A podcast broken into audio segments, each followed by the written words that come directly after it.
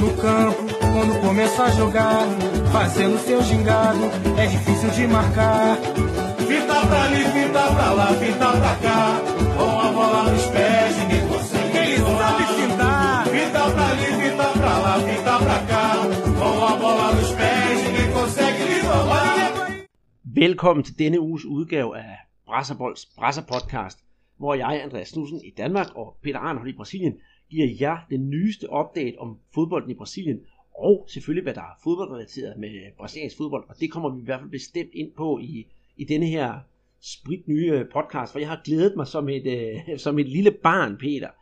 Dels af, øh, øh, øh jeg sidste uge personligt snakket med øh, Ricardo Boyadero, som øh, har jo spillet en, en, en halv sæson i AGF, og det var jo bestemt en, øh, en samtale, der var værd at, ja, at høre på. Han var meget interessant, han havde mange gode ting at snakke om, og jeg glæder mig til at skal få oversat den, så I kan høre den ud sådan rent øh, podcastmæssigt. Det var netop derfor, at jeg snakker om Brasilien og Danmark, for det vi skal snakke om i dag, Peter, det er, at vi har fået et ny brasilianer i, i, øh, i dansk fodbold, og det er nærmere betegnet i øh, uh, fremmed Amager. Så har vi uh, Filipão tilbage i uh, god stil uh, i Copa Libertadores, og uh, ja, siden sidst i ligaen, der har vi jo fået et nyt uh, førerhold, og så skal vi se frem til nogle pokalkampe, og så trænerrouletten, den kører jo videre, der er fyret endnu en træner, og vi er jo oppe på et fantastisk antal af ja, trænerafgange i, uh, i denne her sæson.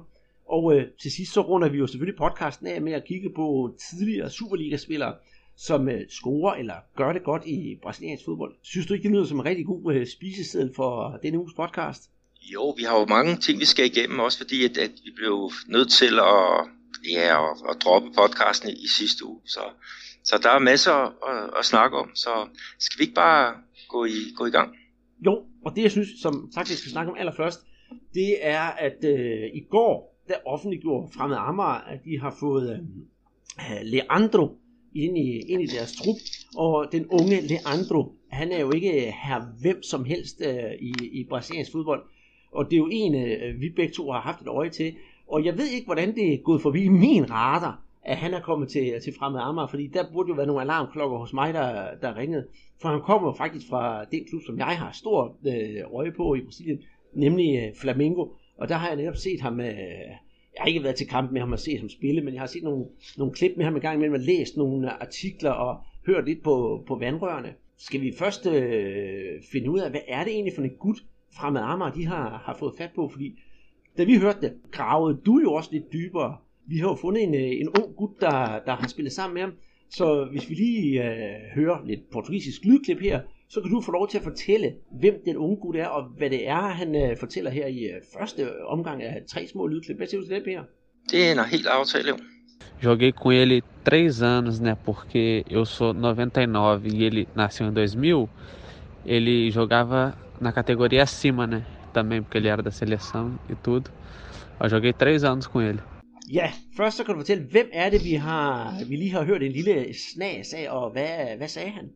Jamen, det er øh, Mateus, en angriber fra, fra Flamengo, øh, som øh, kom til, ja, han kom faktisk til klubben i, i 2014, øh, og han var faktisk med i en turnering. Jeg lærte ham at kende i en turnering hernede øh, rundt om hjørnet, øh, sådan en U15-turnering. Og det, der var, var håbende, det var, at Flamengo, de måtte aflevere fem eller seks spillere til øh, det brasilianske øh, øh, U14-landshold, altså dem, der var årgang 2000. Ikke? Og blandt dem, så var der jo øh, Vinicius Junior, og der var Lincoln, som, som vi har snakket om. Og så var der også øh, Leandro. Og det gjorde så, at, øh, at Flamengo de skulle bruge nogle andre spillere, og så fik de jo så fat i netop øh, Mateus, øh, som spillede i Volta Redonda, en, en anden riveklub. Og han kom øh, på Flamingos hold, og han skulle så spille mod sine, sine holdkammerater, i hvert fald dem, der var på, på landsholdet. Og, og det gik fint, altså han blev topscorer øh, for, for turneringen, og den faktisk øh, med, at, at de, øh, at de vandt ikke turneringen. De, de tabte til allersidst øh, mod Corinthians. Men, men altså, Mateus, han er en, en, øh, en fyr, som faktisk er til prøvetræning i øjeblikket i International. Altså han er ligesom øh, Leandro øh, Øh, taget ud af, af Flamengo, fordi der ikke var, var plads, ikke? og så må man jo finde nogle andre øh, græsgange, ikke? og ja, nogen tager jo til Real Madrid, ikke? ligesom Vinicius øh, Junior, ikke? og andre tager til, til Fremad Amager, ikke? og så er der en, der, der prøver sig af i, øh, i, øh, i Fremad Amager. er slået i international. Så, så øh, det er en, der, der har spillet med ham i, ja, i, i tre år sådan, øh, samlet set, altså over en længere overrække. Øh, det som øh, Matthäus fortæller, det var, at, at han faktisk mødte ham der i 2014, i, i december, da han kom til øh, Flamingo. Og, og så boede de også på, på det samme øh, kollegie i forbindelse med, med, med klubben, og, øh, og øh, det var ikke sådan altid, de lige spillede på hold sammen. Dels er der en aldersforskel, øh, forskel, men, men så sandelig også det, at, at øh, du som øh, Leandro er landsholdsspiller, så, så kommer du op og spille nogle, nogle andre kampe. Øh, men jeg husker den der turnering, og jeg husker ikke Leandro særlig, øh, særlig godt. Altså han var på det tidspunkt mere en indskiftningsspiller øh, på, på landsholdet, men altså det var godt nok også et hammerstærkt landshold, ikke? Øh, som, som, øh, som Brasilien havde, det her ungdomsregime. Mm. Det er faktisk øh, enormt spændende med, med, med den unge Leandro, og det er faktisk også rigtig spændende med, med vores unge gut Mateus, for øh, han har jo sendt nogle flere lydbider. Jeg synes vi skal høre lidt af den næste. O Leandro sempre foi muito bom jogador técnico, muito calmo, assim, muito tranquilo com a bola. Ele, para a idade dele, 2000, ele er forte, né? Muito forte para a idade dele. Ja, som sagt, det var Mateus, vi hørte her. Og det han uh, siger her, det, det handler faktisk sådan lidt mere konkret om uh, Leandro og, og, og hans evner. Det er lidt sjovt, at han starter med at nævne, nævne at uh, da de to mødte hinanden, der sådan sloges de meget inde på banen og, og kunne godt tumle lidt rundt, men øh, med alderen, så i hvert fald øh, Leandro blev meget modnet, og øh, hans tekniske kvaliteter, de er rigtig gode og blevet mere rolig spiller, og så skulle han også være utrolig robust og stærk af sin alder, og samtidig disciplineret og taktisk dygtig. Så hvis øh, de ord holder stik fra, fra Matthäus, så er det da en lille, øh, lille guldfugl fremad Amager, de har fået fat på. Ja, det lyder i hvert fald øh, utrolig spændende. Og, og uh, da jeg snakkede med, med Matthäus uh, her i, i går aftes, ikke, der spurgte jeg så også lige til, til, til hans uh, ja, tre kvaliteter, uh, som man kunne nævne, ikke? Uh, men også om han havde en, en uh, defekt. Og uh, skal vi ikke lige spille uh, det også, sådan lige starten af det, og så oversætte? Det uh, kan du tro, gør. Ele é bem dinâmico, com a bola assim, muito dinâmico. É, tem uma boa, um bom passe longo, uma boa finalização. Ele bate muito bem na bola. Ja, nu glæder jeg nok til at høre, hvad det egentlig er, han, han siger. Han mener, hans øh, defekt er. Men øh, den synes jeg, du skal have lov til at nævne, Peter, hvis jeg siger, at øh, noget af det positive også, det er, at han skal meget, meget god øh, spil, som er ret dynamisk. En fantastisk afslutter, og også er gode til de der lange afleveringer, både på, på langs og på tværs. Ingen, øh, det er ikke en dans på roser det hele, fordi han har en, øh, en lille dårlig side af sig selv, men... Øh... Ja, det er, Matheus han mener, at øh, han varmer bolden lidt for meget.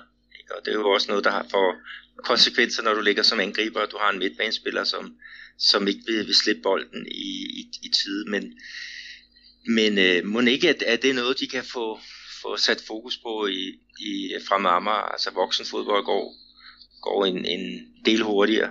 Ikke? Og, og med den fysik, som han, han bliver udsat for i, i den øh, danske næstbedste række, ikke? Så, så må ikke det kommer automatisk. Men det er da i hvert fald et, et område, som, som, øh, som træneren øh, skal, skal, sætte, skal det sætte ind på i hvert fald. Jamen helt klart, og det, det glæder jeg mig til at se. Jeg håber, at der, der bliver vist noget første divisionsfodbold på en eller anden tv-kanal herhjemme, så jeg kan følge ham lidt. Men øh, det slutter jo ikke her øh, vores øh, historie om Leandro, fordi jeg lover jer derude, at øh, vi skal nok følge op på, hvordan det går for Ungersvind i Sundby. Og det øh, har vi jo så gjort ved, at jeg har prøvet at kontakte lidt, øh, måske et ekstræner hos ham. Og så øh, har vi også noget kontakt gang med fra Amager, og det glæder jeg mig rigtig meget til. Så hold øh, godt øje derude og øre derude. Vi skal nok poste, både på Facebook og, og på Twitter, og selvfølgelig følge op her på Brasserbold, hvad der sker med, med den unge mand. Ja, og han får jo også øh, de bedste ønsker fra, fra Matheus. Øh, det er så det, han, han slutter af med til aller, aller sidst, ikke? Og siger, at, øh, at hvis han har behov for noget, så, så er det bare om at, at ringe. Altså, de er jo gamle venner og kolleger, så de, de krydser fingre for, at det, det går allerbedst muligt. Og en, en brasser i, i fra mamma, det, det, det er da fantastisk godt. Nu skal vi videre og det er ikke mindre end øh, op på den øverste hylde, hvad sydamerikansk flub, øh, klubfodbold angår. Det er nemlig øh, Copa Libertadores. Og som vi plejer at gøre her på Brasserbold, så øh, spiller jeg lige øh, hymne til Copa Libertadores, fordi den kan Peter jeg rigtig godt lide. Og så snupper vi en øh, kold Guadalajara imens. Så øh, hold godt fast derude, og så siger vi velkommen til Copa Bridgestone Libertadores årgang 2018.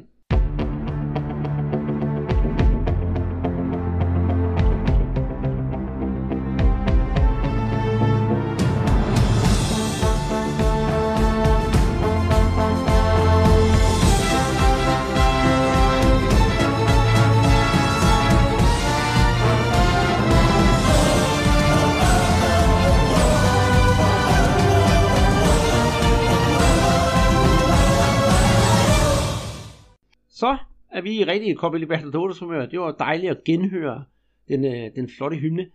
Øhm, jeg ved ikke, Peter. Øh, vi snakker om øh, Philip Scolari. Han er tilbage i Brasilien. Så jeg synes, vi skal ligge ud med, med Palmeiras, som spillede, som sagt, 8. delsfinale i, øh, i Copa Libertadores. Og øh, de mødte jo så Sao Botenho og vandt 2-0 det må man jo sige, at det kunne ikke gå bedre for, for Scolari at få en sejr i sin, uh, sin første kamp for Palmeiras. Ja, i hvert fald hans comeback-kamp i Copa Libertadores, fordi han havde haft øh, sit øh, Palmeiras-hold i aktion lige, lige før, hvor de spillede en 0-0-kamp i, i den hjemlige turnering mod America Mineiro. Det var faktisk en kamp, jeg var, jeg var ude og, og se. Men øh, jo, det var jo en, en, en øh, ja, Scolari Classic, øh, den her. Øh, det var ikke sådan en specielt underholdende kamp, men... Øh, de gjorde det øh, rigtig fornuftigt, ikke? og så havde de jo øh, den kolumbianske øh, angriber Borja, som, som puttede de, de to mål ind, ikke? og, og øh, de spillede faktisk uden at rigtig at give nogle store chancer øh, fra sig. Øh, holdet fra Paraguay, de prøvede lidt udefra med, med nogle lange skud, men det blev sådan egentlig ikke rigtig farligt, så, så det var en, en rigtig, ja, en rigtig godt comeback til, til Philip Bonrik? I, i Libertadores. Og I kan lige have med, at Palmeiras de har jo vundet turneringen i 1999. Øhm, og der var det faktisk med den selvsamme træner, som, som nu sidder i, i sadlen. Så, så der er, der er ja, de, de drømmer stort, øh, øh, São Paulo-klubben øh, med de tekniske rødder. Men vi skal lige tage med også, at, at, øh, at øh, der var selvfølgelig også noget Felipe Melo øh, polemik inden kampen, og og øh, det ved jeg ikke, om, om du så, hvor de var ude og, og inspicere banen. Og så, så kommer det til en eller anden sådan lidt provo- ja, sådan provokationer med øh, hjemmepublikummet, og så selvfølgelig øh, Mæle, Og øh, han laver sådan et, et ikke så, så pænt øh, håndtegn mod, øh, mod øh, hjemmeholdets fans, men, men de har til synligheden kaldt ham for, for en abekat.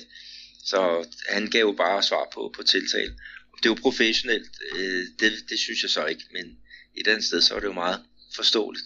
Jamen det er rigtigt nok, og det er jo typisk Felipe Melo. Alle folk ved, hvilke knapper man skal trykke på, når, når det drejer sig om ham. Øh, det er et skud for hoften det her, Peter, men jeg mener faktisk, at øh, i ligaen, der har han fået cirka et gult kort i hver anden kamp, han spiller, hvis det ikke er mere til. Så øh, han er jo altid overtændt, når han går i gang, og også en, en, en lidt øh, en, en loose cannon, men øh, han er jo for at sige det på godt dansk, hamrende dygtig til, til, til hans forsvarsarbejde, medmindre han selvfølgelig laver svinestreger. Så jeg kan godt forstå, at man som træner synes, han er uundværlig på holdet. Ja, og, og, og jeg tror da også, at, øh, at Melo han har godt af at have øh, Scolari til at, at prøve at, at styre sig. Øh, fordi at, at jeg, er, jeg er ikke i tvivl om, at han, han har stor respekt for, for den øh, tidligere landstræner. Og øhm, og det, deres samarbejde har jo egentlig altså, fungeret godt øh, indtil videre. Ikke? Så, så en ja, god start, det er jo halvt fuldendt. Så lad os se, om, om de kan, kan køre helt til, til tops her i, i den her turnering, ikke? Som, som har første prioritet i ja, alle de klubber, som, som stadig er med i, i turneringen. Næste kamp i, i Copa Libertadores, som vi skal komme ind på her, det er jo et, øh, vi kan jo godt kalde det et lokalt derby, for det er jo to brasilianske hold, der, der støtter ind i hinanden og det er Flamengo, der på hjemmebane tog imod øh, Cruzeiro.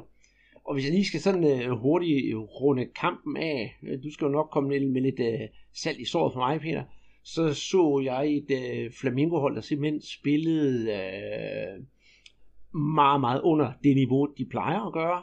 Det var øh, ukoncentrerede, dårlige aktioner i forsvaret, og i det hele taget, så tænkte jeg, at det her et, øh, et, et hold, som mange har set frem til skulle komme rigtig, rigtig langt i, i Copa Libertadores, og så selvfølgelig Cruzeiro, der vinder 2-0 på mål af det Arrascaeta, som øh, mange sikkert kan huske fra, fra VM.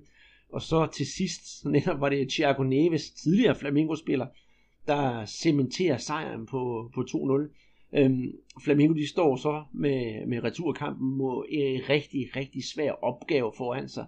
Og jeg tvivler, øh, jeg håber dog, men jeg tvivler virkelig på, at de kan løfte udgave, øh, opgaven på, på, på udebane. Jeg skal lige høre, Peter, skal du se returkampen? Uh, jeg ved det faktisk ikke helt.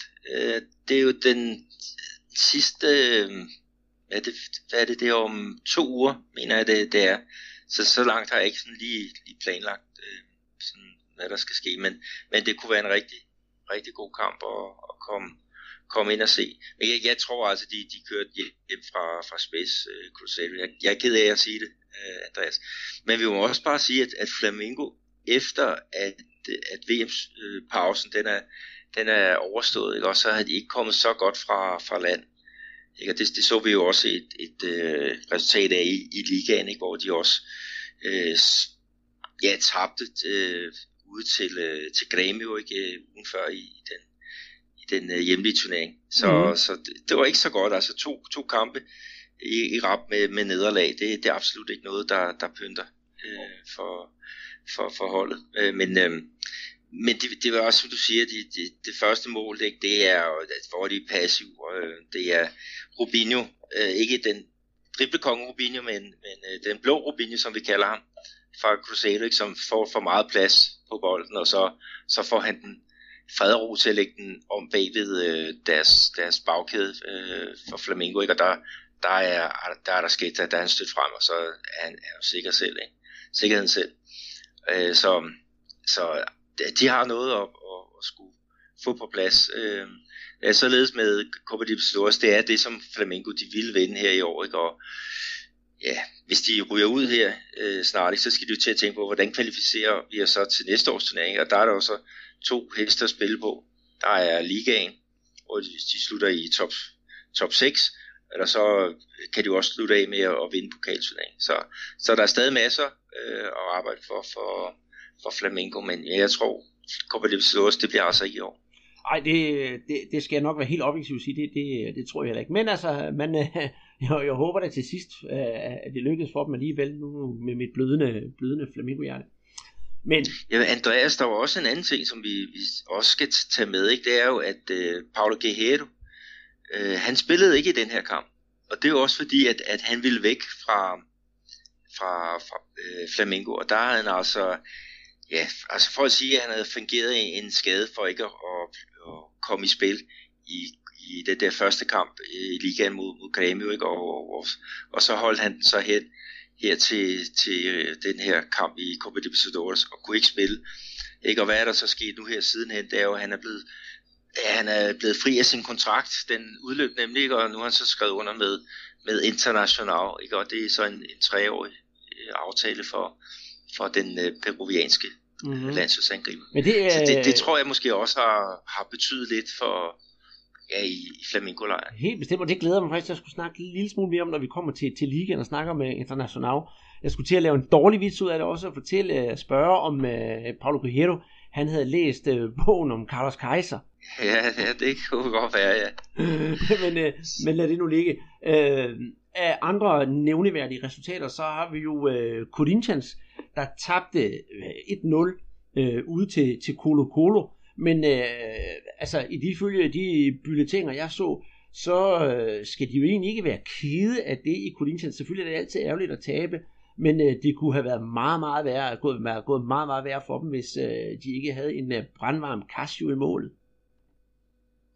Ja, de spiller det meste af anden halvleg med en, en mand i undertal, ikke? og det er chilenerne, de dominerer totalt mod, mod et brasiliansk mesterhold, som, som ja, jeg ved ikke helt, hvad, hvad der sker lige i øjeblikket. Altså, de, øh, de har perioder, hvor det går rigtig godt, og så vinder de nogle kampe i træk, ikke? og så lige, lige nu og her, så er de dumpet ned i, i hullet igen.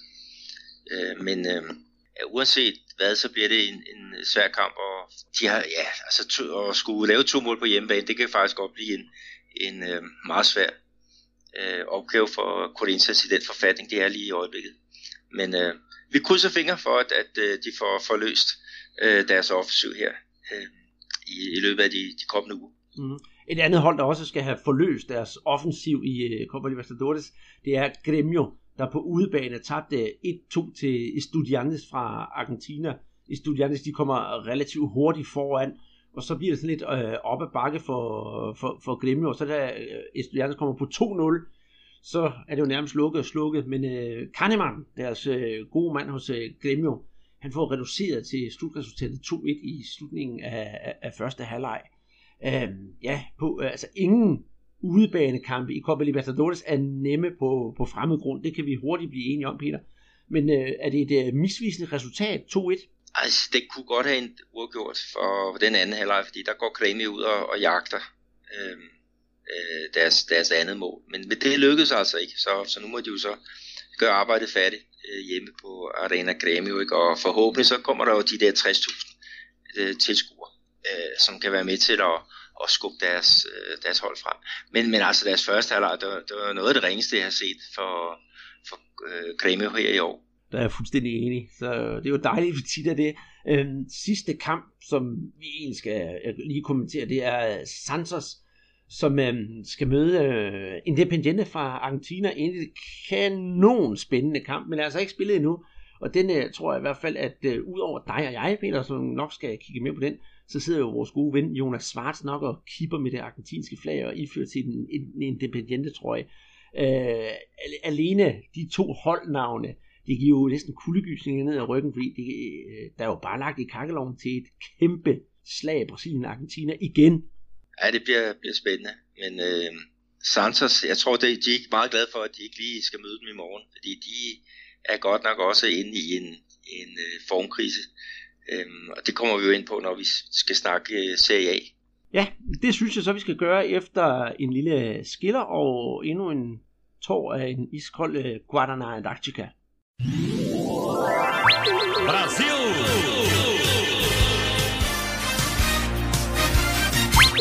Brasil! Yes, og øh, skål derude, Peter. Anne kan jeg ikke sige i øh, en øh, kold Guadalajara, og øh, jeg har en dansk udgave, og du har en øh, brasiliansk udgave. Det er der vist ikke sådan... Skal... Jeg har en brasiliansk, og det er faktisk en øh, VM-udgave. Det er jo således, at, at øh, da slutrunden gik i gang i i Rusland, så lavede de forskellige farver. En blå og en svanegrøn, og så her en, en gul en. Og øh, da Brasilien skulle spille mod Mexico, der sad jeg sådan en, en bar hernede og, og så, så kamp, og så tog jeg så et billede og, og lagde op på, på, på Twitter, og så var der jo en, der hedder Claus Jensen, der var klik på, på tasterne og sagde, det der, det er jo ligesom Neymar. Øh, hvis man lægger den ned, den her dåse, og så, så ruller den næsten lige så langt som øh, Neymar. Så det var sådan en lille, lille hilsen til, ja, til den brasilianske øh, storstjerne. Øh, men han lever i hvert fald op til, til det at være ja, øh, sponsoreret af, af Guadana. Ja, det kan man vist roligt sige. Men øh, nu skal vi i gang med at snakke om, øh, det er ikke det, det hele handler om, men noget, som øh, vi rigtig, rigtig godt kan lide, og det er jo den brasilianske liga. Der er spillet to runder siden vi, øh, vi, vi snakkede sidst, og det har jo altså betydet, at vi har fået et nyt førerhold. Og dem synes jeg, vi skal starte med at snakke om. Det er nemlig uh, São Paulo. Og inden vi lige snakker om, om resultater og så videre, så videre, så øh, synes jeg godt lige, jeg vil sådan knytte en lille kommentar til, til, til São Paulo, fordi sidste år, der lå São Paulo sådan noget svømmede rundt og kunne ikke rigtig finde ud af, hvad de ville, og, og over på et tidspunkt var sådan lå lidt til nedrykning. Og i starten af i år, der spillede et hav af ja, uafgjorte kampe. Med, de tabte dog ikke, men de lå sådan og rodet rundt øh, midt i ligaen. Indtil man øh, tilknyttede to personer til klubben. Den ene, ham kender vi jo rigtig, rigtig godt. Tidligere, øh, de er begge to tidligere verdensmestre fra 94. Den ene er Sokrates lillebror, Hai, som øh, har et bankende São Paulo-hjerte. Og øh, sheriffen, som han bliver kaldt i Brasilien, Ricardo Rocha, og de to mænd, udover at de er ufattelig charmerende og virkelig sådan har styr på sagerne, så har de altså også fået øh, ro på bagsmækken i São Paulo, og sådan styrer klubben, ikke på en negativ måde, men altså er deres, altså klubben, klubbens ansigt udad til, og har fået styr på, på, på holdet og på, på spillerne og det hele taget. de har formået det, man forventede deres tidligere eksmålmand og, og, og, og, og verdensmester Rogerio Seni, han skulle gøre, men ikke formåede. Øh, så jeg tager virkelig, virkelig hatten af for Ricardo Rocha og, og Hai for det kæmpe stykke arbejde, de gør for, for São Paulo. Ja, det er, det er helt sikkert. Skal så også have med, da Roger Sene, han var, var træner, der til preseason, der tog han jo afsted med, med, med 30 spillere, ikke? og så en måned efter, ikke? så var halvdelen af spillerne solgt til, øh, til europæiske klubber. Ikke? Så det var meget, meget vanskelige øh, arbejdsforhold, ikke? og, og øhm, ja, så er det altså også umuligt at, præstere. Men den nye træner, Agedi, som, som er kommet tilbage fra, ja, øh, eller til brasiliansk fodbold. Han har jo tidligere trænet International, og han har trænet Atletico Mineiro. Han har altså også fået, fået sat øh, styr på, på de her øh, tropper. Øh, han er fra Uruguay, og, og han har fået sat et sindssygt godt forsvar øh, sammen. Og så derovre, så spiller de altså i en, en, en meget disciplineret fodbold, hvor det bare går stærkt, når, når de får Europa bolden. De har nogle, nogle hurtige folk på, på kanterne. Øh, især Everton, som, som jo har hentet i, i din klub, øh, Flamengo, lige her for, ja, var det, 3-4 måneder siden, tror jeg ja. nærmest, ja. det var. Han har virkelig gjort en, en forskel. Og så har han fået liv i øh, et øh, tankfororden Diego Sosa, ikke, som, øh, som i starten var sådan lidt inde og ude af holdet, og, og øh, det virkede som om, at kemien ikke rigtig var mellem, mellem øh, de to der, men spiller øh, Sosa altså efter Argetis pibe, og, øh, og det kan ses, det giver resultater, altså tre kampe, tre sejre i, i træk, det, det er altså noget, der, der rykker noget i Brasilien, ikke? og det, det har jo også gjort, at de, de, de har overtaget teten, ikke? fordi det daværende øh, førhold, ikke? de kiksede jo en kamp ud mod Grêmio. Det er, det er nemlig rigtigt, det kommer vi, vi også ind på. Ja, som du siger, tre kampe i, i, i streg, og siden vi har lavet podcast sidst, så havde hentet en øh, 3-1 sejr over, over Vasco. Øh, jeg ved godt, du er Vasco-mand, Peter, men jeg tænker, den er der ikke sådan nogen grund til sådan at, at, at gå dybere i. Men til gengæld, så vinder de på og, og jeg skal også lige sige, at du, du er jo flamingo-mand, og det er også derfor, du overdriver lidt. Fordi det blev kun øh, 2-1. Men til gengæld så vandt de den sidste uge her øh, med 3-1. vandt de 3-1 over Sport Recife. Det er godt, du kan rette mig. Oppe i, øh, på Ilha do Retiro, som det hedder, op hvor Sport Recife spiller, der præsterer Sport Recife faktisk en øh, relativ øh, okay første halvleg og prøver på at, at stå imod det der San Paulo-angreb, som du fortæller med, at de er gode på siderne, så bolden indover, fordi San Paulos øh, angrebsstil, det er altså ikke raketvidenskab, de præsterer, men det er bare noget, der virker, og det synes jeg, det, det, det, det er sgu i orden. Det behøver ikke at være, være super smukt, men det er, det er hamrende effektivt. Øh, og som sagt, øh, Diego Sosa, som du nævnte, han bringer San Paulo foran efter en, en halv time spil. Og så, øh, jeg ved, sørger med heller ikke, 37 år i Liné, har han fundet sin anden ungdom i, i San Paulo. Han spiller jo som en på 25, bliver ved og bliver ved og bliver ved, ligesom om han har, han har fået sin Indian sommer hos øh, San Paulo. Jeg ved ikke, om øh, Aguirre giver ham noget trylledrik i, under kampene, for det er virkelig smukt, det han øh, leverer også det, den form for lederskab, han viser på banen. Øh, øh, men han har bare styr på, på det hele. Jeg synes, det er simpelthen så fantastisk.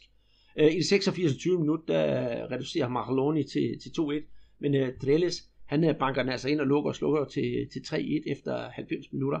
Og ja, hatten af for San Paulo. Det er flot, men til gengæld så har de svært. De har lidt problemer på hjemmebane med at, altså som vi snakker om, de er sindssygt gode i kontrafase, men i det etablerede spil, altså hvor du skal op og dominere øh, kampene, der har de lidt, lidt problemer, og det så vi også øh, mod, mod Vasco, hvor de, ja, de, jeg tror der var over øh, 50.000 tilskuere på Morumbi, som, som øh, sad og rykkede sig i stolen og begyndte også at, at blive utålmodig, ikke? fordi at, at, øh, at, at spillet det var absolut ikke øh, øh, flydende. Så det er i hvert fald et, et område, som han skal arbejde med, Agetti, og øh, øh, må ikke også de kan få, få det på plads, fordi der, der er rigtig mange dygtige offensive øh, profiler, i, ja, blandt andet Nene, øh, og, og så øh, ja, Everton og, og, og så Sosa op foran. Mm. Og øh, det er jo faktisk øh, Sosa, jeg lige ville øh, nævne det her lige før. For øh, Diego Sosa, han er jo heller ikke her hvem som helst oppe i, i Sport Recife. Og en meget, meget sjælden gestus, man egentlig ser i uh, brasiliansk fodbold, det var, da Diego Sosa han blev skiftet ud efter 77 minutter. der øh, bliver han altså, som sagt skiftet ud, og der bliver han klappet ud af banen af både selvfølgelig São Paulos fans og Sport Recifs fans, fordi han har gjort sådan et stort stykke arbejde for Sport Recif, da han spillede det oppe i klubben.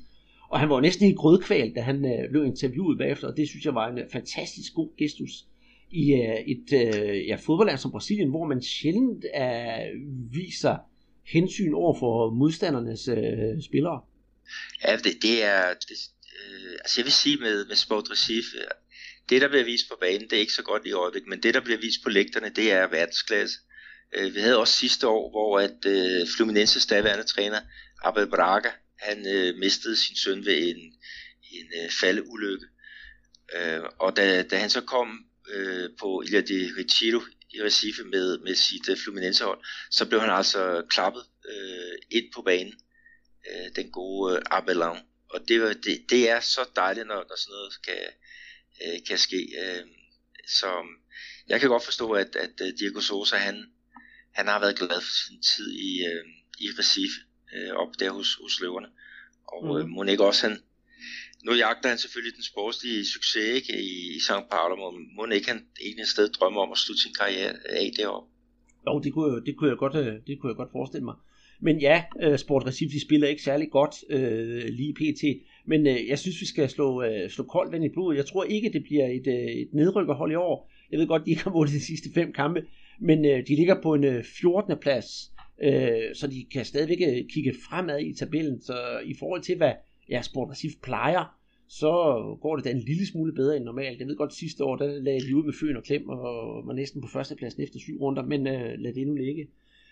Nå. Ja, de har i hvert fald fyret deres træner igen, øh, og det er så anden trænerfyring her i løbet af, af den her serie-sæson, ikke? der er 18 øh, runder hen. Ikke? Så, så jeg, jeg ved ikke helt, altså jeg kunne godt frygte lidt på, på deres vegne, men øh, det kan jo også være med en ny mand, at de kan få, få båden på ret kurs igen næste hold, vi skal kigge på, det er selvfølgelig nummer to i, to i ligaen, det er øh, Flamingo, der som du øh, meget pænt sagde, startede med i sidste uge at tabe 2-0 på udebane mod Gremio.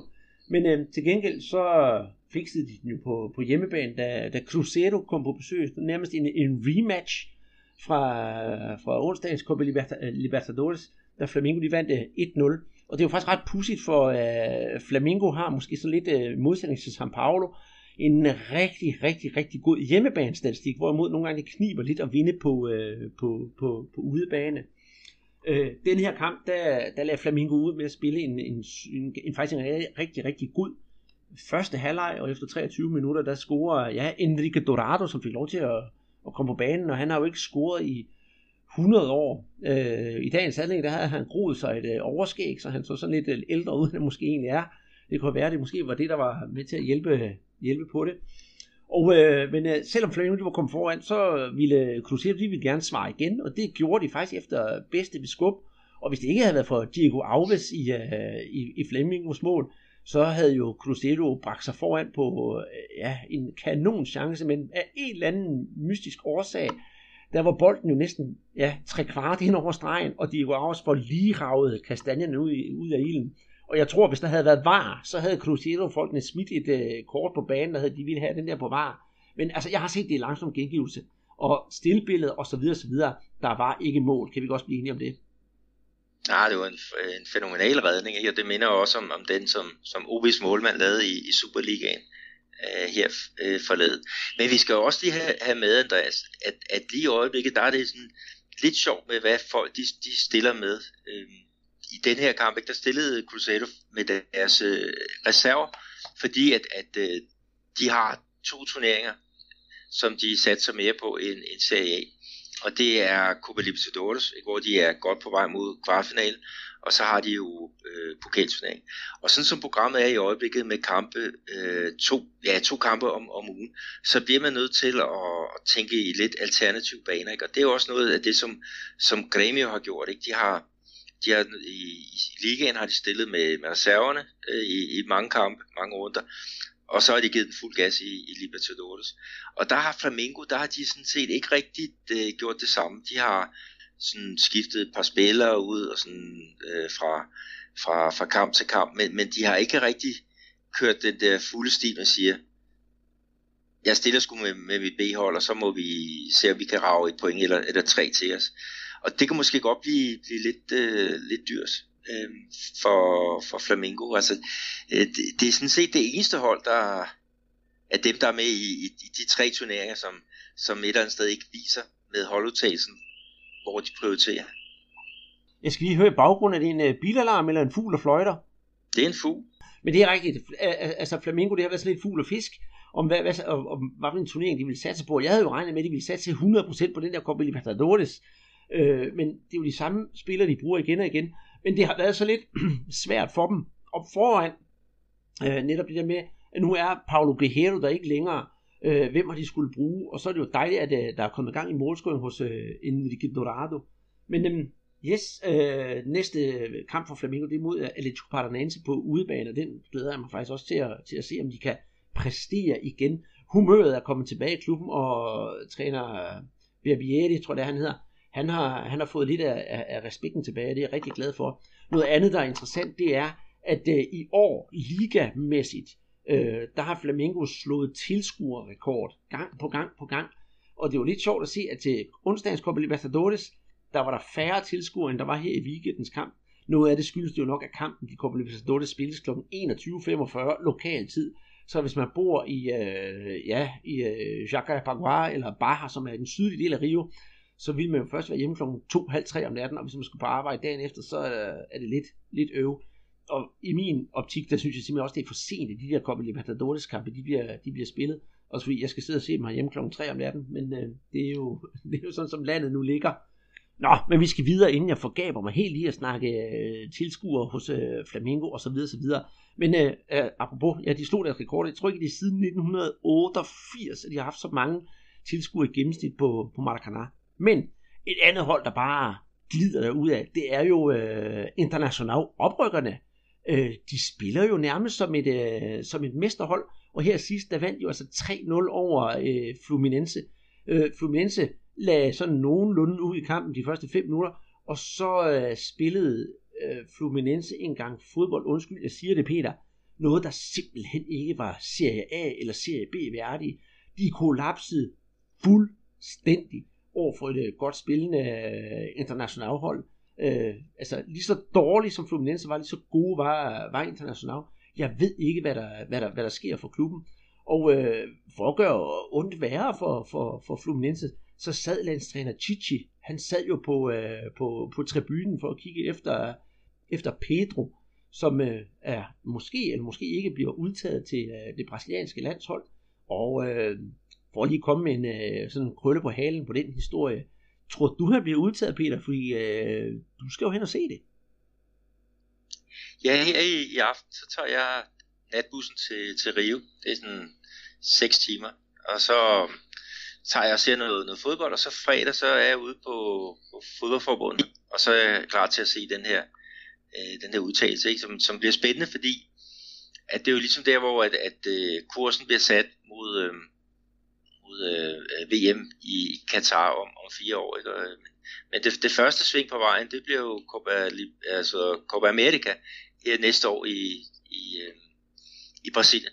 Så det bliver rigtig spændende at se, om, om han, han renser lidt ud og gør plads til, til nogle af de, de unge spillere. Ikke? Og, og, og udover øh, Pedro, som, som du også har skrevet noget om på, på vores øh, Facebook-side, ligesom for at få ham præsenteret, så er der jo også andre øh, hernede, som man snakker om, altså Lukas Paqueta fra, øh, fra øh, Flamingo, ikke? Men, men også øh, i, i det store udland, ikke? der har Richarlison, han har jo lavet fantastisk god reklame for sig selv med, med de der to mål for, for Everton i, i debutkamp. Så, så det, det glæder jeg mig rigtig meget til at, at, at se, ikke? Og, og sådan også de der spørgsmål, ikke? Altså, hvad nu? Hvordan kommer man, kommer man videre? Og jeg kunne godt tænke mig at høre også med Chichi, hvordan, hvordan han har oplevet det her øh, VM, fordi det var hans første. Ikke? Og hvad, hvad gør man, altså, når, når man tænker på, at, at det er de fleste øh, forbinder med brasiliansk landsholdsfodbold er nu øh, 18, det, det er rullerierne fra, fra Neymar, og på den her Guadanados, som, som jeg har, har stående, ikke liggende endnu. Ja. Øhm, men det, jeg glæder mig meget til det, ikke? og så jeg får snakket med en masse journalister og, og få, få ligesom taget øh, pulsen. Men, men øh, jeg, jeg tvivler på, at, at Pedro han kommer med i, i den her øh, ombæring. Ja, for i selve kampen mod, øh, mod Fluminense, der gjorde han det heller ikke særlig godt. Han var ikke, han var ikke banens ringeste for Fluminense, bestemt ikke. Men han var i hvert fald ikke en, der spillede sig nærmere på landsholdet. Jeg synes, han spillede en af de dårligste kampe, han har spillet de sidste ja, 10-12 kampe. Men altså, øh, International, to mål af, af, af Nico Lopez, der bare også er, er brandvarm for klubben. Og så en enkelt af, af Alves. Skide godt spillet, længere er den ikke, og jeg synes, at øh, International, hvis de fortsætter, så banker de jo faktisk på til at spille med med, ja, de er jo på, på tredjepladsen forløb, men virkelig til at spille om medaljer. Og øhm, øh, vi har jo også sådan haft sådan en diskussion frem og tilbage med Paulo Guerrero, og den kommer vi jo så ind på nu. Øh, gik fra, fra Flamingo, og er han klar til at spille, i, uh, spille, spille for International. Jeg vil kalde ham en uh, lotto-kupon, men hvis han kan præstere, og det tror jeg egentlig også, han gør, for, for nu kan han få lov til at få lidt luft igen og komme over det der. Først var han skadet, og så var den der dopingsag. Den dopingsag, den har hængt over ham som et spøgelse i Flamingo. Det er han ude af nu. Og så lige pludselig, så ender det jo med international. De har et rigtig, rigtig godt øh, angreb, og kan virkelig øh, være med til netop, som sagt, spille med om, om medaljer. Men det eneste, der så undrer mig, det er internationalt. Det er jo ikke en af de rigeste klubber i Brasilien, hvor de har fået pengene fra til sådan en ja, dyr spiller som øh, Paulo Guerrero, fordi han var klart den mest løntunge spiller hos øh, Flamengo. Ja, jeg ved heller ikke, øh, hvor de har, altså de har været det Røde Banken, eller, eller hvad de har, har gjort. Men øh, jeg synes ikke, han er en, en lotto Jeg er med på, at han har ikke spillet så meget i år, men det skyldes jo den her doping-sag. Han var rigtig god for Peru øh, ved, ved VM-slutrunden. Han kender brasiliansk øh, fodbold. Han var rigtig god for, for Corinthians og var med til at gøre dem øh, til verdensmester øh, for, for klubhold øh, tilbage i, i 13, og det er selvfølgelig længe siden. Men så har han faktisk også lavet nogle, nogle vigtige mål for, for Flamengo i, i den tid, han har, har spillet. Så kan han slippe for, for skader, så, så, så, så er han jo altså en af, af de bedste øh, angriber, som vi kan præstere hernede i, i Serie A. Øh, så, øhm, så nej, jeg, jeg, jeg vil ikke kalde ham en, en lossekupon. Jeg vil måske være lidt sådan, betænkelig i forhold til kontraktens længde, som er, er tre år. Det er jo det er meget lang tid for, for en, en spiller, som er, øh, er det 34 år nu. Men omvendt, så har du i Atletico Mineiro, der har du Ricardo Oliveira på 37 år, som øh, gør et fantastisk godt stykke arbejde. Og, og det, der også er meget sjovt, det er, at, at, øh, at øh, han, han brillerede jo her i, i weekenden, øh, da han skulle spille mod Santos, som ikke ville forlænge med ham, fordi de synes, han var for, for gammel, og, og derigennem så ville de hellere have, have plads til øh, Gabigol. Mm-hmm. Gremio, de har altså også fået gang i maskinen igen. Som sagt, de vandt 2-0 over Flamengo i sidste uge, og så banker de øh, uh, Vittoria 4-0 på, uh, på hjemmebane. Vittoria, er et af de hold, som, ja, som ligger til, til, til at skulle rykke ned i år. Det kunne man måske godt mistænke dem for. De har ikke spillet synderligt godt.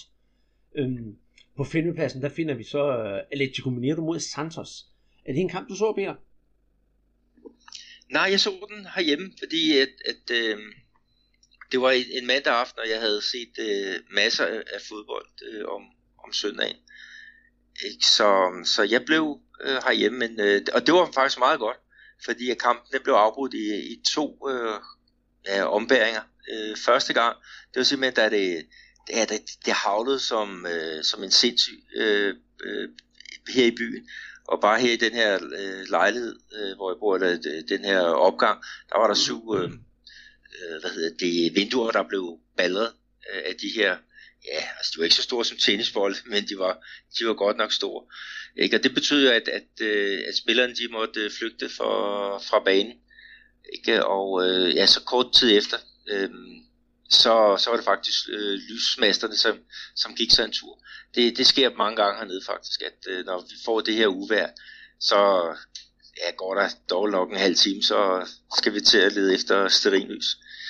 Men, men øh, publikum, øh, de, de hyggede sig alligevel, øh, og de, de sang, at øh, vi er snemesterne, vi er snemesterne.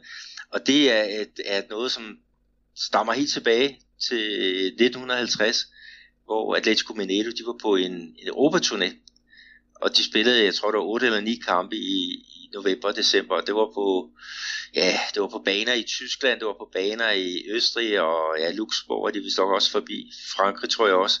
Og der var altså nogle af kampene, hvor det var på, på snedækkede øh, baner, men, men øh, de vandt de fleste kampe, og så som sådan en slags værtsgave, så fik de en, en pokal, og øh, det, det gjorde de, de kårede sig selv til øh, snemestre.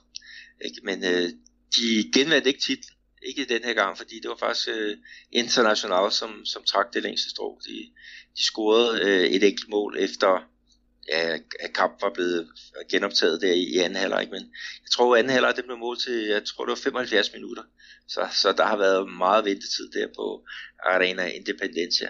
Men det er fedt, øh, som fankulturen, den kan, ja, kan, kan få en til at trække på, på smilebåndet. Ja, det er rigtig dejligt. Lidt ligesom det der oppe i uh, Sport Recif, det er jo bare, om det er på den ene måde eller den anden måde, det er altid de gode historier, som vi bliver glade for at høre, for jeg synes også mange gange, kommer vi det, det, desværre med nogle, nogle, nogle rigtig triste historier, øh, netop med dårlig fankultur. Et eksempel, øh, det var for eksempel den her International Fluminense. Jeg kan ikke huske, hvad Fluminense spiller. Han havde en forholdsvis ung spiller, som næsten lige er kommet til klubben. Han blev nærmest buet ud af sine egne øh, tilskuere under kampen, og det er jo heller ikke noget, der er synderligt godt, hvis man skal præstere for, for et hold, der er bagud. Nå, Øh, et andet hold, der også har været i aktion, det er selvfølgelig øh, Paumeters, og de øh, vandt 1-0 over Vasco, og det synes jeg, vi skal komme ind på lidt senere, for øh, det kostede jo faktisk øh, træner Jorginho jobbet i, øh, i Vasco. Øh, af andre kampe, jeg synes, der er nævneværdige, Peter, det synes jeg, vi skal snakke om øh, vores gode ven op i AB, øh, eller ex-AB, Jan Holim, som jo øh, er faktisk er blevet en fast starter for, for Chapecoense, og var med til at, til at, at, at lægge op til et mål for Chapecoense. Ja, det var i, i øh, den 17. spillerunde. Ikke? Der, han får masser af roser for, for hans, hans indsats.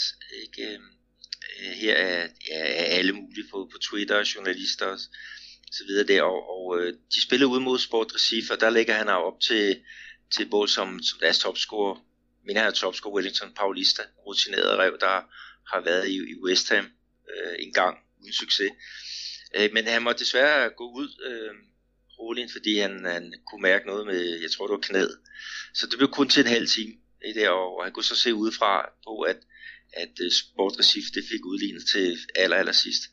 Men, men så her imod, øh, ja, den, den næste kamp, det var så hjemme mod øh, Corinthians, altså mesteren, ikke? Og, og øh, der er han faktisk ved at komme på, på måltavlen, øh, men bliver så taget ud ved stillingen øh, 0-1. Og øh, ja, man må så sige, at, at ham, der erstattede ham, han gjorde det jo meget godt. Ja, det, det, det må man sige. Øh, for at gøre det kort, Corinthians, de kommer foran på et, øh, et mål af Gabriel Marquinhos efter 6 minutter, og så er det jo faktisk lidt op ad bakke for, for, for Chapecoense. Men øh, Jan, som vi bare kalder ham nede i Brasilien, han bliver så, som sagt taget ud efter, efter en times spil, og Dofo han bliver sat ind. Efter 70 minutter, der scorer øh, Torres, og det er altså på en øh, lidt underlig situation, som jeg synes lige, vi skal, skal, skal snakke om. Der kommer sådan en, uh, en, en bold tilbage mod, øh, mod Casio i, øh, i Corinthians mål, men Casio han er altså langt ude af målet, og øh, også uden for, sit, øh, uden for sit felt. Og øh, der tager han altså med hænder foran en fremadstormende øh, ja, Torres. Og det er jo så problemet, at øh, ja, han får et gult kort, Castro får at tage med hænder uden for, uden for feltet. Men som så jeg siger det, Peter, hvis Castro ikke havde grebet op efter den bold, så var den altså gået forbi ham, og så havde Doris fået øh, frit løb mod mål. Så jeg ser det altså som om, at øh, Castro han fratager ham en oplagt målchance, og derfor synes jeg, at han skulle have haft et rødt kort at blive vist ud. Ja, det, det, er jo, det er jo det. Altså, jeg har det, den nye regel, men man kan ikke blive straffet øh, i, i tre øh, ombæringer. Ikke? For eksempel, øh, hvis du hvis du laver et, øh, et, et, et hvis det havde været straffespark, der havde været så havde han nok sluppet med, med et gul, men, men øh, omvendt, man tager jo ikke, man, man bliver jo ikke straffet for at tage med hænder ind i, i eget felt. Men, men han fejlbedømmer simpelthen bolden, og den bouncer over ham. Øh, jeg tror faktisk, det er, det er et langt udspark, som, som virkelig har vind i sejlen. Og så er det det, der så rækker han op og, og stopper den. Jeg tror, han håber, han, han ligger på grænsen til, til straffeltet, men, men han er lige en, en meters penge udenfor. Så øh, jo, jeg, jeg er helt enig, den, den burde have kostet ham et, øh, et direkte rødt kort.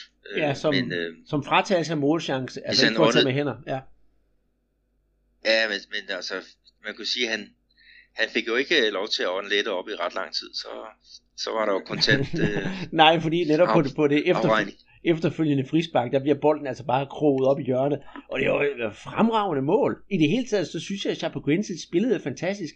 Det lille hold, der er gået så meget igennem, og som ingen egentlig regner for noget, fordi det er jo et af de, det er et af de mindste hold i ligaen, og det er et af de med mindst budget, og så videre, og så videre. De formår altså at vende kamp, og så i 5 minutters overtid, der banker øh, Dofo bolden i mål til, til en sejr på, på 2-1 til, til Chapecoense. Og øh, ja, selvfølgelig deres målscore, de skal have kæmpe ros, men det synes jeg også, at Chapecoenses målmand, han skal, han skal have. Han er lidt en flamboyant her, sådan en rigtig hipster øh, målmanden, men han stod en brandkamp. Og da der kampen blev fløjet af, gik de fuldstændig amok på tilskuerlægterne i, øh, hos Chapecoense. For det er første gang nogensinde, at Chapecoense har slået Corinthians. Så et kæmpe øh, klap i hænderne og tillykke til, øh, til Chapecoense for at have, have slået Corinthians ud, som er lidt i, øh, i modvind på tiden. De præsterer ikke på banen, og tilskuerne er sådan lidt øh, lorende ved dem.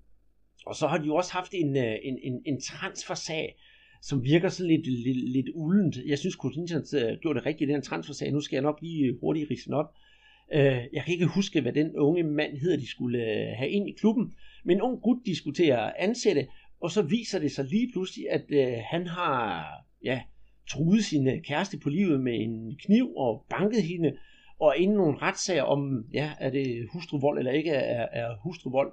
Og øh, alene af den årsag, der blev øh, Corinthians presset så meget af deres fans, at øh, fans, de ville altså ikke have ham ind i folden, at øh, Corinthians har sagt øh, nej tak, og de lader situationen stå, og de vil hjælpe ham med at få løst problemet.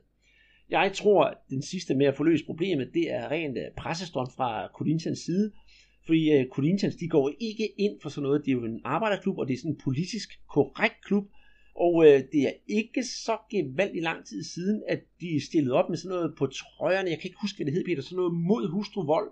Og de har selv kørt en kampagne om uh, flere rettigheder til kvinder. Så jeg tror, at den unge herre, og jeg er så ked af, at jeg ikke lige kan huske hans navn her på stående fod, han kan altså godt uh, vinke farvel. Juninho. Juninho, det er rigtigt. Han kan godt vinke farvel til at spille fodbold i Corinthians.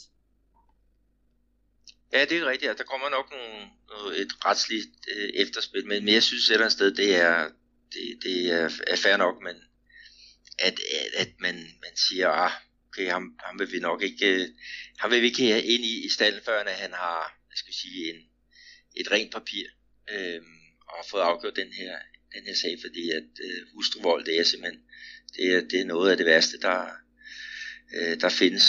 Øh, og, og det her, det er så en helt anden, øh, endnu mere ekstrem øh, øh, hvad hedder det, omgang.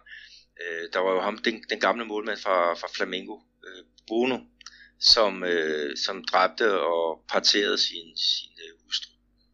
Eller nej, hans, øh, det var inden, var det. Det var inden, ja. Og, øh, og fodre ja, hende til hunden. Der, der, ja, der er ikke nogen, der har fundet øh, hverken knogler eller, eller noget som helst. Man har kun fundet noget, noget blod i, i et bagagerum, øh, som stammer fra, fra øh, hvad det hedder, Samudia.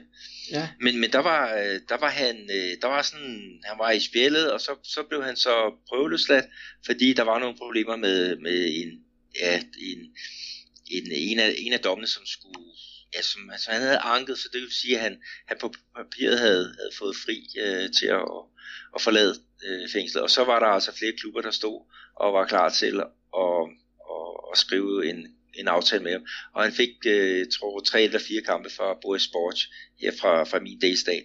Men, men er du sindssygt, hvor det øh, fik øh, delt øh, vandene. Altså der var nogen, der sagde, jamen manden har ret til det, han har ret til at gå på, på gaden, øh, så har han også ret til et, et job. Så var der andre, der siger, du hiver ikke sådan en mand ind i, i en fodboldklub, hvor han skal, øh, hvor han ja, øh, skal være en, som vores børn skal, skal se op til. Enig. Det her det er selvfølgelig en endnu vildere, er mere ekstrem sag, men, men jeg kan nu meget godt lide, at, at, øh, at der er nogle, nogle holdninger til, til sådan noget som hustruer. Fuldstændig, fuldstændig enig. Jeg synes bare, at Collinsen skulle have været mere klar i mailet, og så har sagt mig det samme bang, og det skulle ikke komme fra et ydre pres, før man, la, før man øh, gik, i, gik i action. Men øh, ja, lad det nu ligge. Vi skal nok se, om vi kan følge op på det, hvis der sker noget nyt i, uh, i den her situation. Men Peter, men er der andre kampe, du synes, vi skal gå ind i, før vi øh, går listen igennem med øh, top 5 og bund 4 og topscore osv.? Ja, også fordi at, at øh, der ser uh, de spillede 0-0 hjemme mod Atletico Paranaense i, i sådan en rigtig bundslag, og vi har jo så tidligere snakket om deres træner, uh, Liska, Tosset Liska, som, som han blev kaldt, ikke? som uh, i 2015 Øh, kom til klubben, og som fansene synger, at han hiver os øh, ud af hospice, ikke? og øh, noget kunne tyde på, at han var ved at gøre det også den her gang. Nu blev det så kun til et point, men da han overtog den, der lå de i bunden uden sejr. Nu har de emmer væk øh, kravlet op på øh, hvad hedder det, 18. pladsen øh, med tre point op til, til den rigtige side af stregen, ikke? og øh, de har hentet tre sejre, og så var der så den her, øh, den her øh, uafgjorte. Det var før den anden uafgjorte i, i træk, som de fik. Så Tosse Liska, øh, respekt for det arbejde, han, han er ved at lave. Ja, og samtidig disrespekt for, for Santos, der ligger på, på, på 17. pladsen. Det er en, øh, fiskene, som de bliver kaldt. Jeg synes mere, det minder om en strandet val efterhånden. Hvilke klubber har vi til at ligge i uh, toppen af tabellen? Ja, i, i den, uh, som vi kalder top 6, altså dem, der kvalificerer sig til uh, Copa Libertadores uh, næste år, der er St. Paulo. Øh, de ligger med 38 point øh, efter 18 kampe. Det er således, at der er jo øh, der er jo en runde tilbage af det, vi kan kalde for forårsturnering. Ikke? Så vender kajakken, og så, så spiller vi frem mod, mod, mod slutningen. Øh, men São Paulo 38 point, Flamengo 1 point efter med 37, International på tredjepladsen med 35, og så Grêmio med, med 33. Øh, så er der et lille hop ned på 3 point til Atletico Mineiro på femtepladsen, og de ligger af point med, med Palmeiras, øh, som også har øh, 30 point. Og så igen, så er der et lille hop ned til øh, Corinthians på syvende pladsen, ikke? og det, det, der er 4 point øh, forspring på mellem de to klubber. Og Andreas? Ja, der finder vi øh, som sagt øh, Santos på, på 17. pladsen med 18 point. Og så på 18. pladsen, der har vi øh, Ceará med 16 point. Og nu nævnte jeg jo før for sjovt, at uh, Santos bliver kaldt for, for fiskene. Uh, og så kan jeg fortælle, at Sierra, de har en maskot, som hedder Bedstefar. Så det lyder som en rigtig hyggelig klub dernede, eller deroppe i Sierra. På 19. pladsen, der har vi Atletico Paranaense med 15 point. Og så oprykkerne Paraná på 20. pladsen med, med, med 14 point. Sådan ser det ud. Og øh, hvad hedder det? Øh, topscorerlisten, Peter, der finder vi jo stadigvæk Pedro på førstepladsen fra, altså Pedro fra Fluminense, som jeg ikke kan gå ind og læse om ham inde på, på Facebook, scorede jo ikke nogen mål øh, her i sidste kamp. Roger Guedes fra Atletico Mineiro på andenpladsen med ni mål, og så Ricardo Oliveira også fra Atletico Mineiro med, med ni mål. De har rigtig gang i målscoring i den klub. Øhm, på fjerdepladsen Nene fra São Paulo med syv mål, og på, øh, ja, også på den samme fjerdeplads, der har vi også igen med syv mål, øh, William fra, fra, fra Palmeiras. Og så har vi på, ja, jeg vil egentlig gerne nævne en af Vascos spillere, Vascos eneste offensive øh, spiller, der virkelig prøver at gøre noget, det er jo Jaco Pikachu. Han har scoret syv mål for, for, for Vasco, og jeg synes egentlig, at ja, han fortjener altså at få noget mere opbakning hos øh, Vasco, fordi det er som om Vasco kun tænker på, at det er ham, der skal gøre mirakler for klubben. Vi skal lige have med, Andreas, at øh, Roger Gattes, som er på den der del af andenplads, øh, på topskolisten, han er blevet solgt til kinesisk fodbold, og øh, imponerende, som han har måttet mål ind øh, der i, i starten af, af, af turneringen. Øh, så så øh, han kommer ikke til at lave ret mange mål mere i, i den, her, øh, den her turnering. Nej, det gør han ikke. Og så til sidst synes jeg også, at vi lige øh, skal nævne Diego Sosa fra São Paulo. Han har altså også scoret syv mål.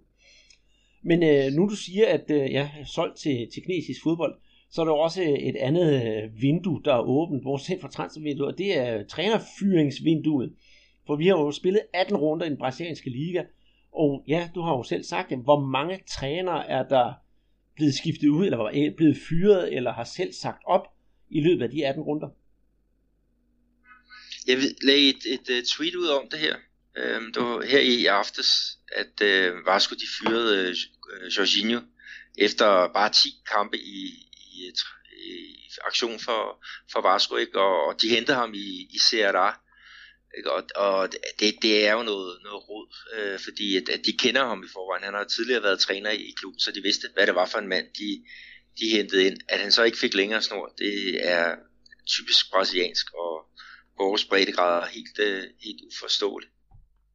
Ja, 18 trænerfyringer i, i 18 runde, altså det, det, det går lige sådan ret hurtigt med at regne øh, sådan gennemsnit ud for, for, for antal fyringer per, per runde.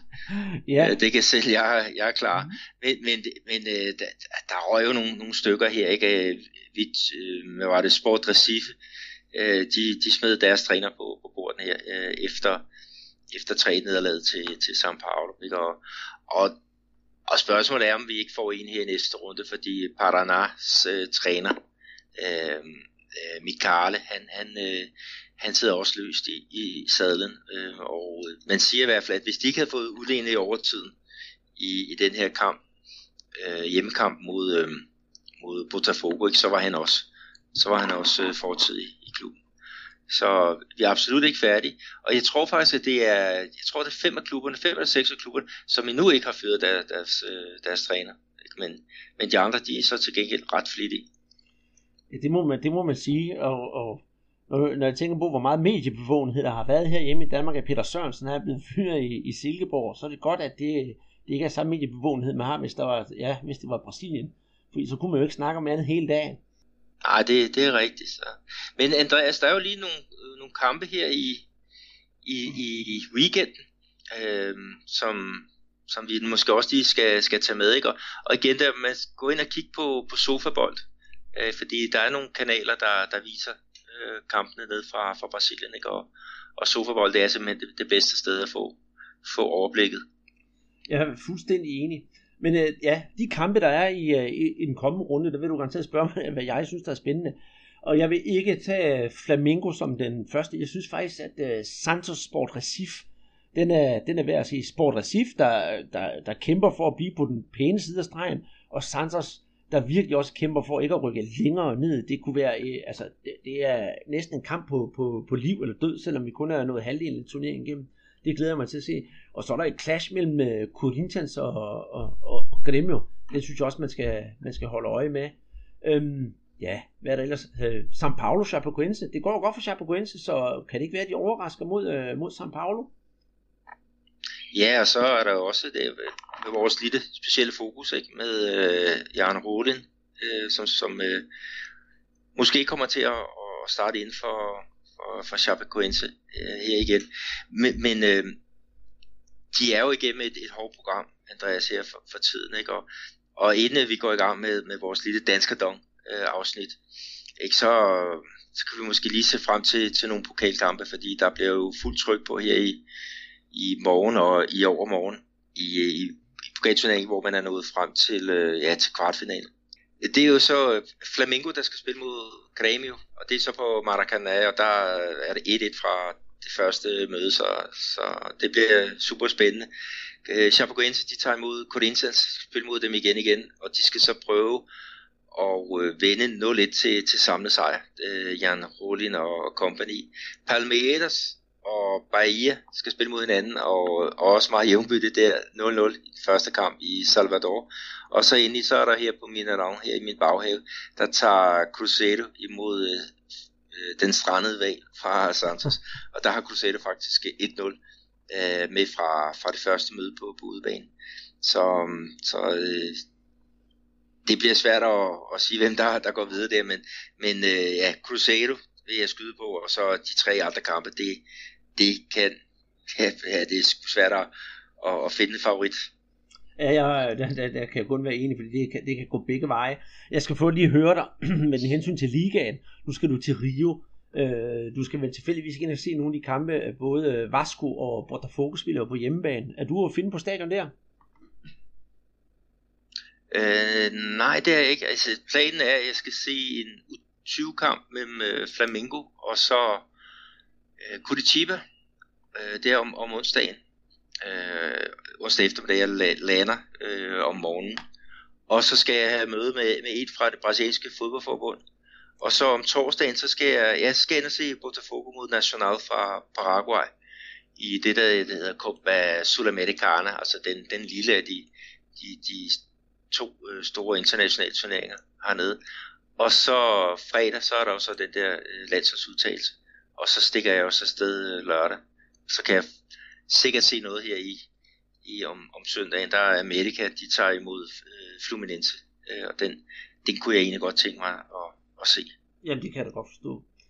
For at runde podcasten af, Peter, så skal vi altså også komme ind på vores øh, kære danskerdom, hvor i ser, at du har styr på eks-Superliga-spillere, der brillerer eller mm, mangler med deres brillering nede i, øh, i Brasilien. Og hvad har du nyheder der? Ja, altså Bruno Patata øh, og hans øh, klub Operario, de er klar til en ja, to oprykningskampe mod øh, Santa Cruz. Øh, det er således, de har haft noget indledende øh, gruppespil, og der er det så Operario, som, som har trukket, eller de har ikke trukket, de blev nummer to i deres pulje, og Santa Cruz blev, blev tre i deres pulje, så de skal så mødes, og de starter faktisk i Recife, hvor at, øh, ja, Santa Cruz, det er jo sådan set øh, Recife svar på, på Flamengo og, og øh, Corinthians, der kommer så mange tilskuere. Øh, jeg kan huske for, jeg tror det er fem eller seks år tilbage, der til en tilsvarende kamp, der kom der 60.000 øh, mennesker på Aruda i, i byen til at, at støtte Utricolor. Øh, øh så, så det bliver en kæmpe oplevelse for Batata. Han har leveret, jeg tror det er, han scorede to mål i otte kampe, ikke? men øh, han, han starter ind øh, hver gang. Ikke? Så er der Ricardo Bueno, som spiller for São Bento i CB. Øh, han er i startopstillingen hver gang og i en væsentlig profil. Han har ikke scoret øh, her på det seneste, men er noteret for, for tre mål. Og så er der jo ja, Jan Rolin, som vi har snakket om, øh, som ikke har scoret mål, men har lavet et godt stykke arbejde og, og fedt oplæg til målet mod Sport Recife. Og så er der Kaiki, den tidligere OB'er, som har været på bænken i de sidste øh, to kampe øh, for, for Bahia, men øh, han, han kommer tilbage fra en skade, og, og jeg tror faktisk, at han, han er på vej væk til, til, til en anden klub. Øh, han virker ikke som, det, det virker ikke, at de vil bruge ham i hvert fald.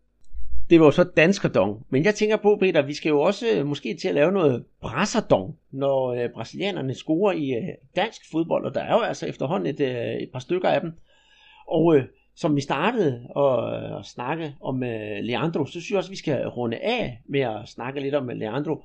For øh, da du øh, snakkede med, ham, du de, de lydbider stammer fra jeres samtale, så øh, kommer han jo rent faktisk også ind på, hvem der er hans idoler. Og øh, det er jo faktisk meget sjov lille historie. Øh, der tilbage i 2014, hvor de er på træningslejr øh, med, med landshold, og så er de inviterer de jo nogle af de her øh, kommende stjernespillere øh, ind der. Der er, der er, er Leandro så en af dem. Han bliver så spurgt om, hvem der er hans idol. Og der siger han så først Sigo. Og Sigo, det er jo øh, ja, det helt store i, i Flamengo. Øhm, og så siger han så også Neymar, øhm, som, som han, han ser op til øh, og, og et, en kæmpe stjerne. Men, men øh, Sigo, det er lidt sjovt med, med ham, fordi at, kan du huske, hvornår at, øh, at, øh, Sigo han lagde støvlerne på hylden? Det er faktisk lidt flot at sige det her, Peter. Det kan jeg ikke 100% huske, men jeg ved, at øh, han lagde sine støvler på hylden for Flamingo den øh, 6. februar 1990, og så tog han jo til Kashmir Antlers i Japan. Og, og jeg kan ikke huske, om det var 93 eller 94, han, øh, han stoppede. Men det vil jo være det samme, hvis jeg sagde, at jeg var kæmpe stor fan af, af for eksempel sådan en dansk spiller som Enoxen, for eksempel, han er jo også før, spillede jo på dansk landshold cirka 10 år før, før jeg blev født. Og hvad med dig? Hvem vil du så vælge som øh, at være dit store idol? Ah, men Andreas, jeg er jo så gammel, så, så hvis det der med 10 år før, øh, før øh, ja, så, så snakker vi jo 1952, og så må det jo være sådan noget som, er det Sofus Krølben, øh, den, den gamle øh, refremer, som, som øh, spillede en masse kampe på, på det danske landshold. Jamen det ville ikke være helt tosset. Det eneste, man måske så kan sige, at grund til, at han er, han er stor idol af Siku, det er jo også, at uh, Siku nærmest også er blevet udødeligt gjort i, uh, i, i, i Flamingo. Og ja, YouTube, fjernsyn og så videre, så videre, så videre. Det er jo også med til at holde den slags spillere i, uh, i, i live. Og det har man jo ikke haft de samme muligheder for. For eksempel, de nu var også med for eksempel Sofus Krølben, det er jo ikke lige, man kan gå ind og se hans øh, største hits på YouTube, eller se et længere interview med ham. Så i det hele taget, den, øh, altså sociale medier og, og pressen har jo også gjort sit til, at man kan huske og genopleve de der øh, spillere fra den der ja, årgang 1982 landshold i, i Brasilien. Ja, men der, der er ingen tvivl om, at, at, øh, at øh, Leandro, han har da mødt uh, Zico. Og, og jeg ved ikke, ude på træningsbanen eller noget andet, og, og fået kæmpe sympati øh, for ham, og, og hørt om hans hans øh, præstationer. Ikke? Og, og nogle af de der gamle landsholdsspillere, som jeg i hvert fald ikke kan huske at have set, øh, set live, altså jeg har da mødt mange af dem på, på trænerkurser. Ikke? Og nu sagde du jo Henning Enjoksen, ikke? og han var jo fantastisk uh, ildsjæl, uh, både som DBU-instruktør ikke? og også som uh, dommerinstruktør. Uh, han har gjort et vurderet arbejde for, for dansk fodbold, og selvfølgelig sørgeligt, at han, han øh, gik bort her for ja, nogle, ja, nogle øh, ja, 10 år tilbage. Øh. Ja, han var en stor spiller, og de husker ham nok også specielt nede i Vejle, hvor han, øh, hvor han spillede. Men Peter, vi skal til at slutte vores podcast af, og som sædvanligt vil jeg sige, at det havde ikke kunnet lade sig gøre, uden selvfølgelig jer lyttere derude, og øh, uden øh, Guadagnat Archica Danmark, som er vores mæcen i sodavand her, her, i, her i den danske sommer. Øh, husk at gå ind øh, på iTunes og give os en øh, rating derinde, gerne 5 stjerner af slagsen, så vi kan komme op og spise kirsebær med de, med de store. Og kig på vores Facebook-side, fordi der poster vi tit og ofte, ja faktisk næsten dagligt, noget nyt og interessant om øh, brasiliansk fodbold. Det kan være små ting, det kan være store ting. Og ja, så er der selvfølgelig vores øh, Twitter-profil. Og hvis I har nogle spørgsmål, så kom endelig med dem. Jeg ved godt, der er nogen af jer, der har stillet nogle spørgsmål til os igennem tiden, som vi ikke har fået svaret på. Men øh, på et eller andet tidspunkt, så lover jeg, Peter, at vi øh, laver en, øh, en, en spørgsmål special. Øh, jeg ved, vi har noget liggende om øh, klubbers økonomi, og vi har også noget liggende om øh, klubbers taktiske oplæg. Men øh, da det er nogle ret store og fyldige emner, så er det nok bedre at lade dem være til en, øh, til en spørgsmål special.